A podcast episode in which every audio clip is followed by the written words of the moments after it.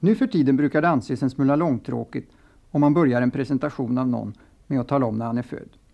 Det ska man istället smyga in någonstans i texten så att ingen åhörare behöver märka att han råkar få i sig en sakupplysning. Men när man idag ska tala om Nils Ferlin kan det nog vara anledning att göra ett undantag.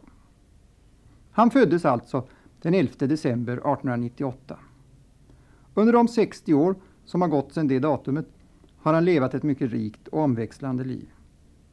Han har aldrig skrivit sina memoarer, men den som läser de sex diktsamlingar som han har gett ut får en mycket livlig och klar bild utav de många miljöer som han har rört sig i. Många saker som han har upplevat och framförallt mycket som han har tyckt och ansett. Ferlin är värmlänning, född i Karlstad men uppväxt i Filipstad. Hans far var tidningsman. Fadern dog när sonen var liten och det blev istället hans mor som kom att spela den viktigaste rollen i pojkens liv. Han har på många sätt skildrat sin barndoms och ungdomsstad. Vad som framförallt har stannat i minnet hos den vuxne skalden är de brokiga inslagen i vardagslivet, marknader och cirkus. Han berättar om sina och kamraternas äventyr som karusellskötare, om djur på gästande menagerier och om egna försök att spela Cirkus Tigerbrand hemma med mamma som publik. Gycklaren och artisten hade i hög grad hans intresse redan under tidiga år och de gestalterna skulle länge bli huvudfigurer i hans diktning. Som ung man hade Ferlin många yrken och reste vida omkring i Sverige och i grannländerna. Längsta tiden var han emellertid artist och nu på riktigt. I mer än tio år var han skådespelare med avbrott för perioder när han var tvungen att syssla med andra jobb som kunde dyka upp. Det fanns inte så många fasta teatrar på 20-talet som det gör nu och för det mesta fick Ferlin ta roller i resande sällskap som väl inte alltid höll den högsta tänkbara repertoar. Men han hade gått på en ordentlig teaterskola och att han tog sitt yrke på allvar det kan man se av de få vittnesbörd som finns. Men några har desto större värde eftersom de är avgivna av kamrater som sedan har blivit stora namn på scenen. Den resande bandaktörens vardag går också igen i Ferlins diktning. Både Folkets parker, stadshotell och trista inackorderingsrum. Om det inte hade varit så dåliga teatertider i slutet på 20-talet så hade svensk litteratur kanske varit ett stort författarskap fattigare. Nu gick det inte för Ferlin att dra sig fram som aktör. Han fick hjälpa upp situationen med sin penna. Den hade han övat redan som mycket ung. Han hade skrivit kupletter till sina egna revyer där han smädade det aktningsvärda Filipstad och han hade med stor framgång gett ut tillfällighetstidningar som fyllde ungefär samma syfte. I slutet på 20-talet skaffade han sig en mager inkomst genom att skriva texter till slagermusik. Många av dem kom på noter och på skivor, men riktigt fin ansågs då för tiden inte genren.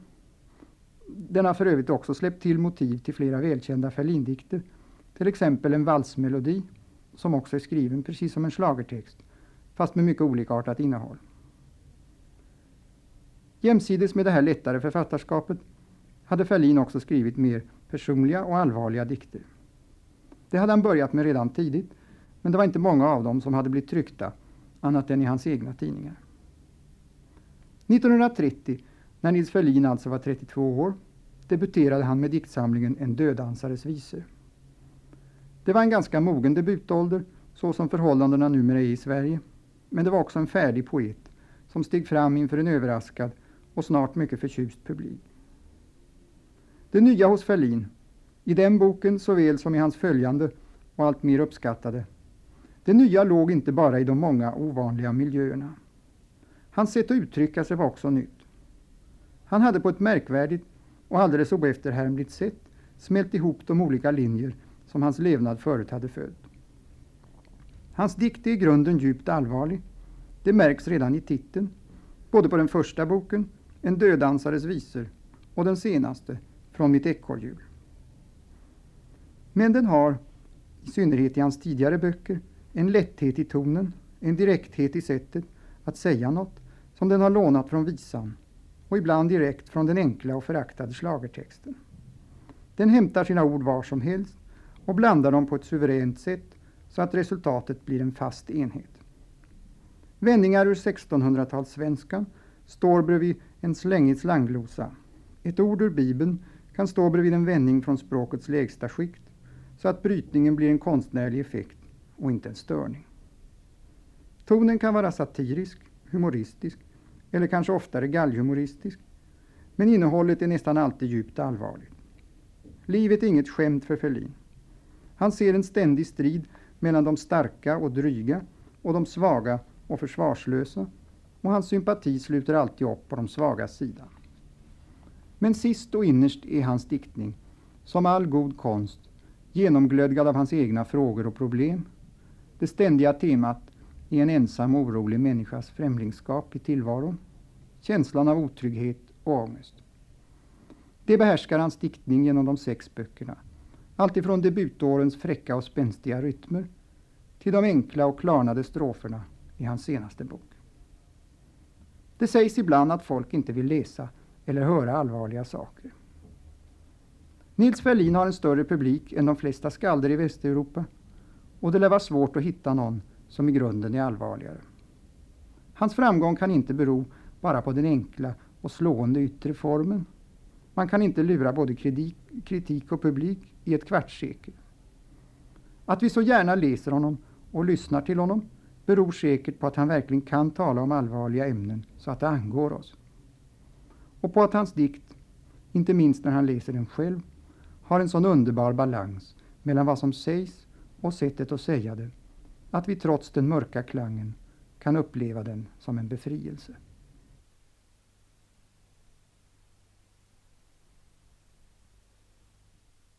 Jag ska läsa en del dikter ur roliga diktsamlingar. Jag börjar med En dödansares visor. Den kom ut 1930. I livets villervalla. I livets villervalla vi går på skilda håll. Vi mötas och vi spelar vår roll. Vi döljer våra tankar, vi döljer våra sår och vårt hjärta som bankar och slår. Vi hakar våra skyltar var morgon på vår grind och pratar om väder och vind. I livets villervalla så nära vi gå men så fjärran från varandra ändå.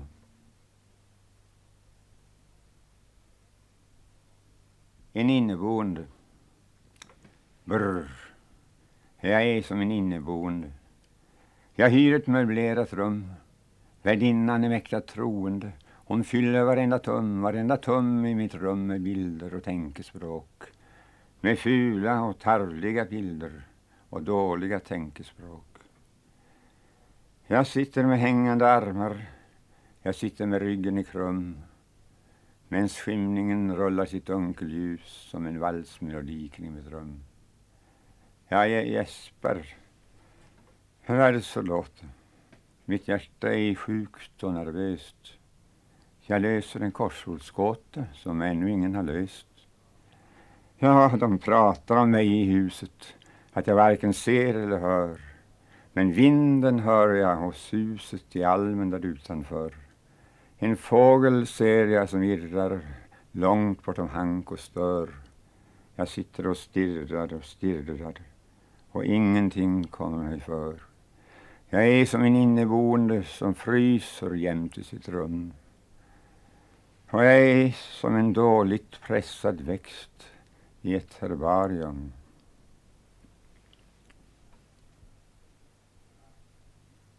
En valsmelodi. Dagen är släckt, mörkret har väckt stjärnor och katter och slinkor. Fyllda av skan, slödder och flarn, sova polishus och finkor.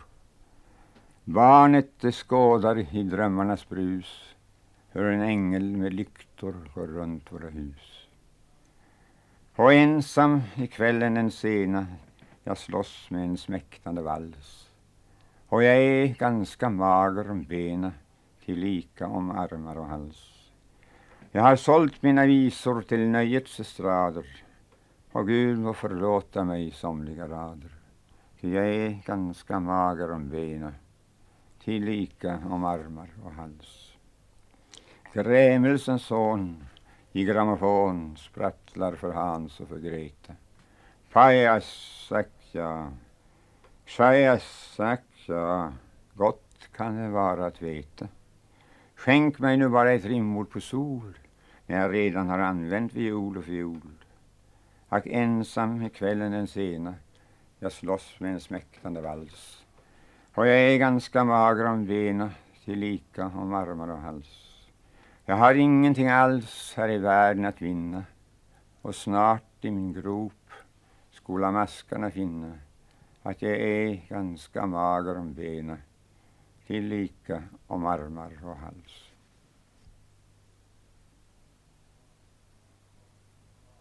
Så kommer vi till barfotabarn. Det kom ut 1933. Du har tappat ditt ord. Du har tappat ditt ord och din papperslapp, du barfotabarn i livet. Så sitter du åter på handlarns trapp och gråter så övergivet. Vad var det för ord? Var det långt eller kort? Var det väl eller illa skrivet? Tänk efter nu, för vi föser dig bort, du barfotabarn i livet.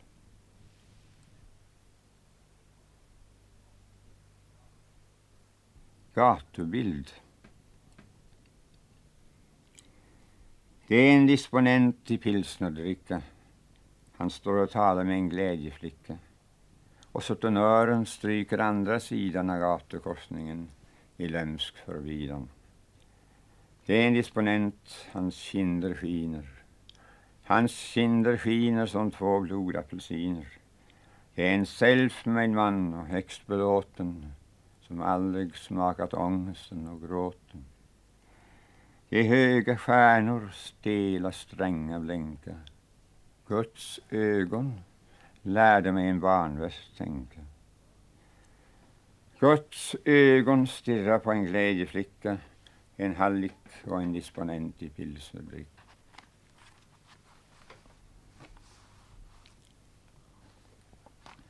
Postrestant. Jag ringde en vän och jag ringde väl två, fast jag visste så väl hur det skulle gå. Sen tänkte jag störa en hög person, men då hade de redan stängt av telefonen. Så nu har jag ingen att störa och vet inte vad jag ska göra. Det lilla jag gjort blev jag gjort med tur, så jag har varit en rätt social figur. Men jag väntar från främmande land en slant. Den kanske har kommit nu, postrestant. Jag kunde gå ner och hämta ifall jag fick lust att skämta. Jag kunde gå ner, om jag gör mig besvär, till postkontoret och säga så här. Har det kommit ett brev till mig eller två? Jag har suttit där hemma och längtat så. Ett värdepapper från Kina, från Schweiz eller Herzegovina. Då står det en dam som förundrat ler och jag säger, min dam, det är mycket som sker. Alls ingen kan veta vad slumpen skrev på den sida man skänkts. Och ett lyckobrev om en vinst bland de verkligt stora har jag fått av en kakadoro. En herre bakom vill ha vägen fri. Och jag säger så här. Nej, det struntar jag i. För man måste ju vara en strong person som betalar sin skatt och sin telefon. Jämväl det elektriska ljuset att det inte blir mörkt i huset. Jag bugar allenast för en och var, vi levat och artigt ett au revoir. Och sen tar det slut på min snurriga vers, mitt harsprång som dansar i kors och tvärs. För sen är jag åter alena och borta från glans och arena.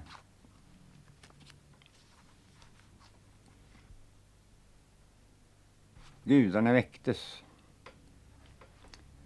Gudarna väcktes i söder och gudarna väcktes i norr. Zigenarens hjärta blöder, men jorden blir kartlagd och torr. För två gånger två är fyra och allt är bestämt och klart. Allt är förtvivlat klart och ingen vill äventyra sitt liv för sin egen art. Storflaxiga kråkor kraxar och märkliga ting som stundar. Snart är vi så lika som taxar, lika som avhuggna hundar. Vipsa som sädesärlor och knipsa från morgon till kväll. föryngringens platta pärlor av packade strömmingskäll. Sir Standard bygger fabriker. Sir Standard bygger fabriker, radio knäpper och skriker. Tätt mellan stölder och mord, svarta och röda rubriker blixtrar med bländande ord. Asch, bråkigt är det och tråkigt och futtiga är våra tankar fast flygmaskinerna skrävlas i skryt över Gauris ankar. 8842 meter. 8843 meter närmare Gud. Stadigt närmare Gud lyfter sig människan, den obetvingliga människan och kastar ner cigarettstumpar på Edelweisen.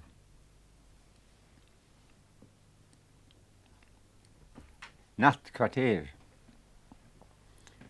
när kroppens krematorium förbränt din själ till aska och snus och vin och opium till föga fröjder för. Då tar du nöjsam bror och stum mot evigheten traska.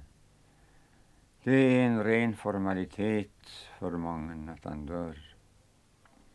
Så må du ta det ganska lugnt fast dina fotsteg vackla när döden spelar trött och tungt, sin gråa gammelvals. Han står i livets medelpunkt och blåser ut din fackla. Det är en ren formalitet. Sen är det inget alls. Sen är det inte någonting. Du slumrar grönt och fagert och glömmer alla bittra sting och sår som livet gav. Ditt finger i din fingerring, det blir så vitt och magert men du förmärker ingenting där nere i din grav. Du saknar ingen tid som går, men sover som Törnrosa. Törnrosa sov i hundra år, men du ska sova mer. Du saknar ingen tid som går, ty strävsam var din kosa. Och det var knappt du tog dig hit till detta nattkvarter.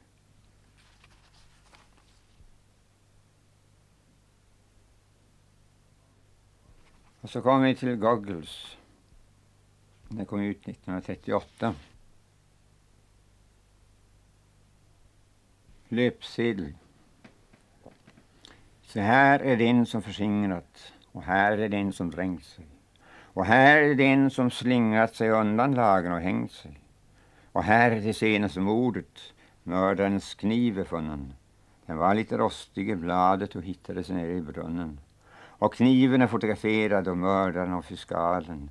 Fiskalen är djupt chockerad av mördaren, troligtvis galen. Och mördarens mor, hon gråter. Det kunde man nästan tänka. En mördare är hennes enda son och hon är änka.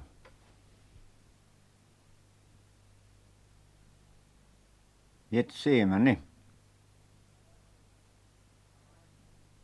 Han var en så liten och klen artist att han kände sig mer än lovligt trist. Då satte han sig vid sin Faber 2 en vacker afton och skrev som så. Gud har i sin fotografiateljé ett mörkrum som heter ett semene. Där växer ett klara bilder fram för den som är lugn och allvarsam. Men den som är rädd för köld och ris får aldrig en blomst i paradis. Hans liv blir liksom en ödeslätt av inga silverne tårar väckt. I purpur kanske och glans han gick, men blicken hans var en tiggarblick. Till aska kom han, men aldrig brand, och månen ler åt hans tomma hand. Till den som är rädd för Getsemane har ingenting alls att få eller ge.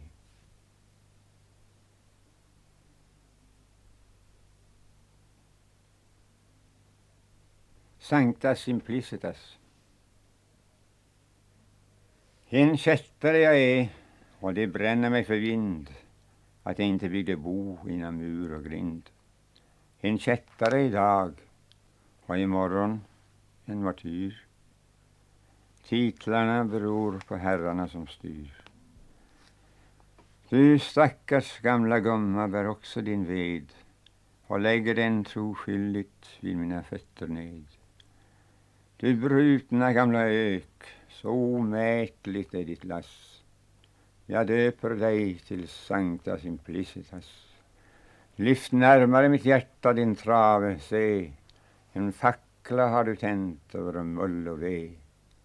Sen tar du väl förlåta för Kristi spik att mitt hjärta måste le vid så tung komik.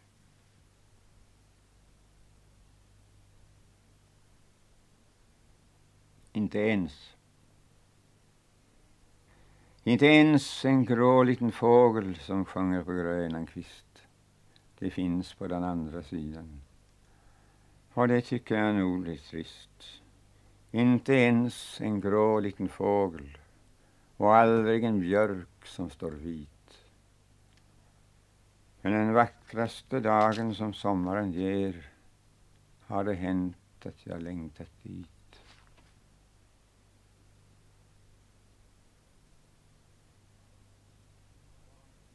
Och så kom vi till med många kulörta lyktor. som kom ut 44. Maten var bra. Maten var bra i mitt fattighus, men jag grubblade så på Guds båda ljus. Det stora lyste i dagen klar, det tyckte jag ganska bakvänt var. Det lilla lyste i nattens djup kring dolda klyftor och glömda stup. En var som vilse i skogen gick, som vilken hjälp av det ljuset fick. Och de som reste på stormigt hav fick även Lisa och hung därav. Så vilsamt var det och anspråkslöst och milt mot allt som var undanföst.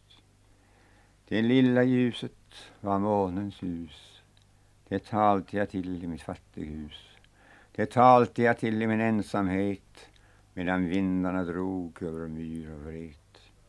Och vad störde det mig om jag ej fick svar när mitt harvliga rum som försilvrat var.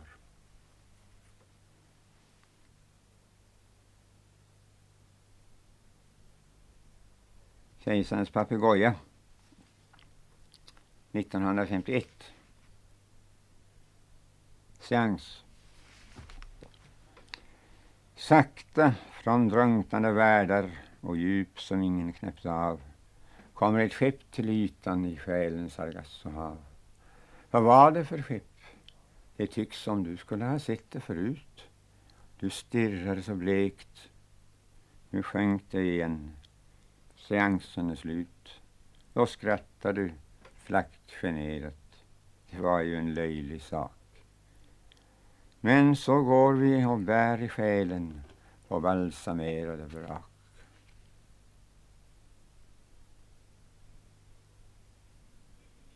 Inte ens det förflutna. Någon rider i natten, vad har han förbud att föra? Ingen rider i natten, du hör med ett sjukligt öra. Någon kommer på vägen, någon går över tunet. Ingen kommer på vägen, alls ingen ser jag på tunet. Men någon är det som bråkar här ute i Haglundsnåren. Nu yrar, häcken är borta, allt blev borta med åren. Alla vägar är stängda, alla dörrar är slutna och ingenting är det som spökar, inte ens det förflutna.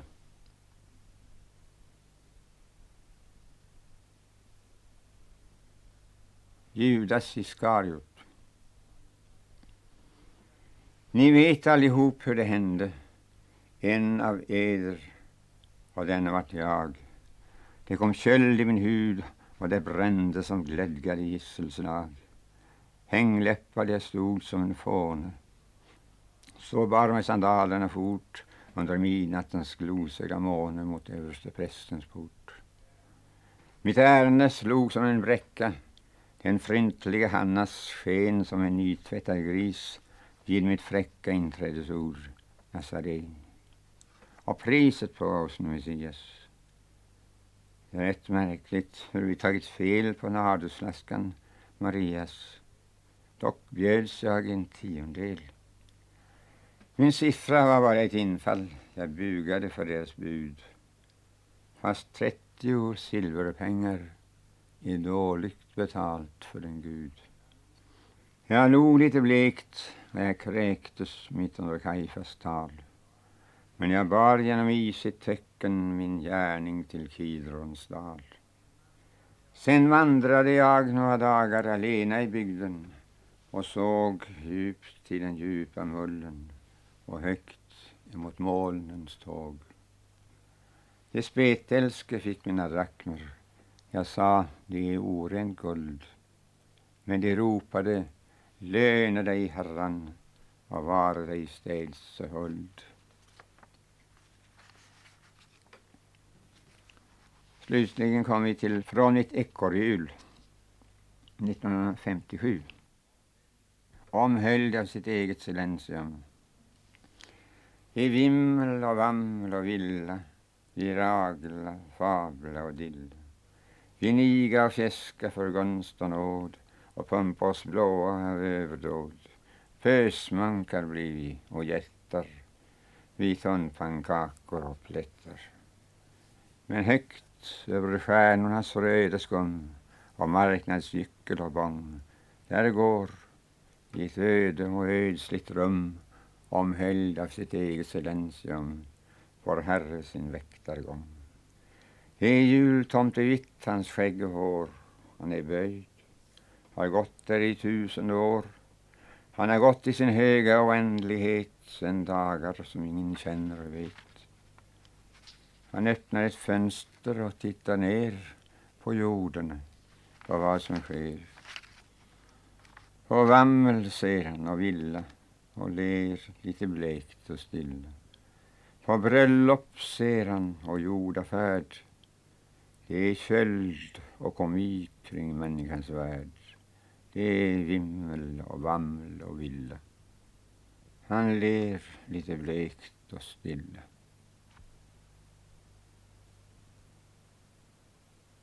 allt mer som Ior. Jag blir allt mer som Ior hos Nalle Puh. Beständigt jag jämrar och jag gnäller och suckar mitt eländigt. Eländigt är det mesta som möter oss, det stämmer. Men föga för det bättras av klagan och av jämmer. Dock Ior är ju bara en åsna som ni vet. En liten sorgsen åsna. Och jag är en poet.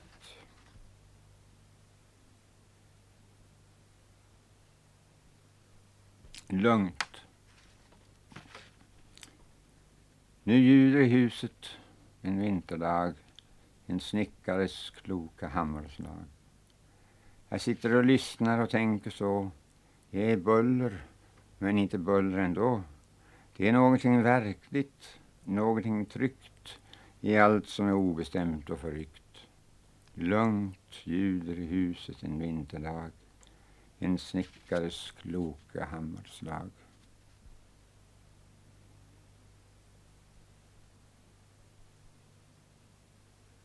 Innan ditt rike blev kartlagt. Det var bara tokar och dårar som lyssnade på det först. Det var slavar och skökor och ogärningsmän. Men då var ditt rike störst. Det var bara enkla själar och själar på undantag. Sen byggdes det katedraler och kyrkor av alla slag. Och påvar kom det och präster som tvistade om vart ord du fällt på din korta vandring på denna bullrande jord. Men tokar var det och dårar som lyssnade på dig först. Det var innan ditt rike blev kartlagt och då var ditt rike störst.